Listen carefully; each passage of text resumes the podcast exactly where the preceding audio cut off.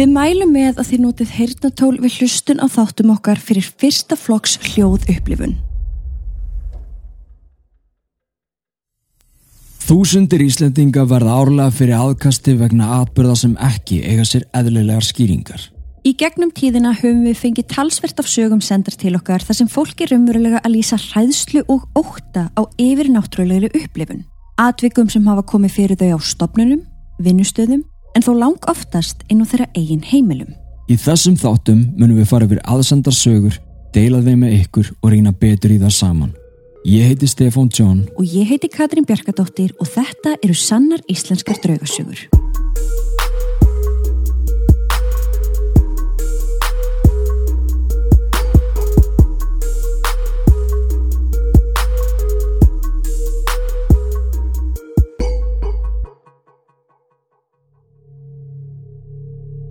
Við viljum minna á að draugasögurnar okkar eru ekki við hæfi barna nema með leifi fullorðina. Og með því hefjum við sögu dagsins. Sæl og blessuð kæru áskrifendur. Þið eru að fara að hlusta á þáttnúmer 36 af sönnum íslenskum draugasögum. Í þessum þætti ætlum við að segja ykkur tíu draugasögur sem koma frá þremur einstaklingum og eins og alltaf þá hvetjum við þig kæri áskrifandi til þess að senda okkur þína sögu sem við getum svo tekið fyrir hér í þessum þáttum. Þú sendur okkur hana á sannaratdraugasögur.com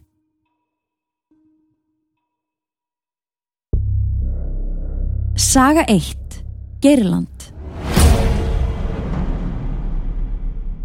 Þessi saga kemur frá konu sem að kýs að koma undir nafnlind. Hún ætlar að segja okkur tvær frásagnir. Fyrsta frásögn, Geirland. Þegar ég var fjögur ára fluttum við í hús sem var byggt árið 1928 sem hétt Geirland.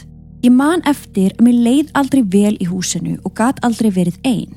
Þegar ég varð eldri veiktist mamma og var mjög skapstór og mikil rifrildi og ofbeldi átti sér stað. Eina nóttina vakna ég við kvísl og fótatök fyrir utan herbergi mitt.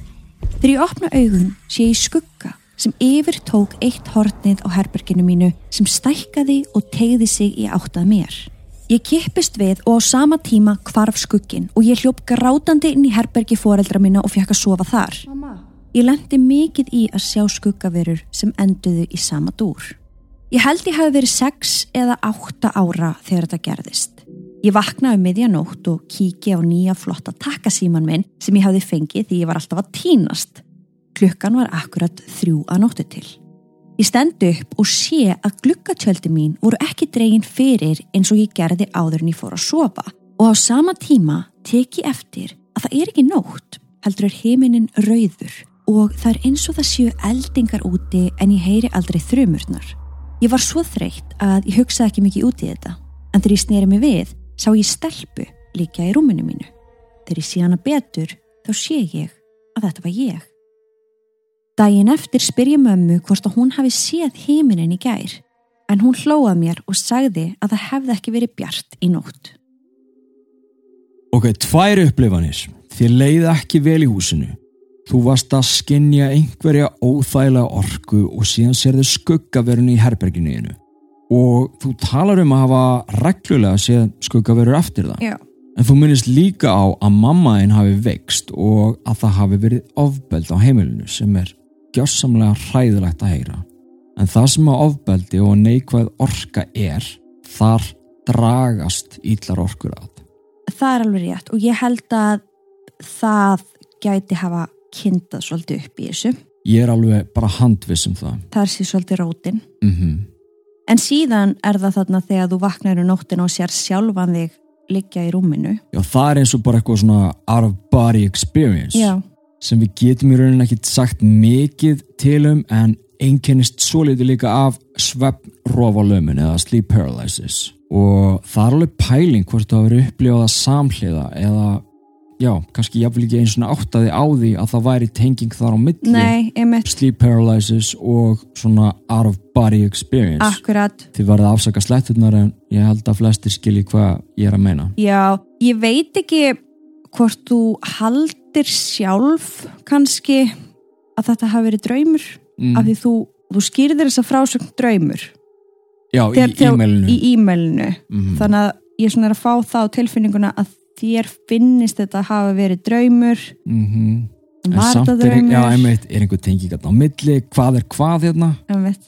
En svo er alltaf svo áhugavert þegar svona hlutir gerast í kringum þrjúa nóttu til Já. The Witching Hour það sem að hölan á milli er hvað þinnst og nótt mætir morgni en kíkjum á næstu frásögn Önnur frásögn. Eftir nokkur ár fluttu við í húsið við hliðin á. Í því leði mér vel fyrir utan hjónaherbergið sem ég heimtaði að fá áður en ég fór inn í húsið. Eitt kvöldið var ég að undirbúa mig fyrir svefnin og lappaði inn í herbergið mitt og sá þá mann setja á rúminu mínu.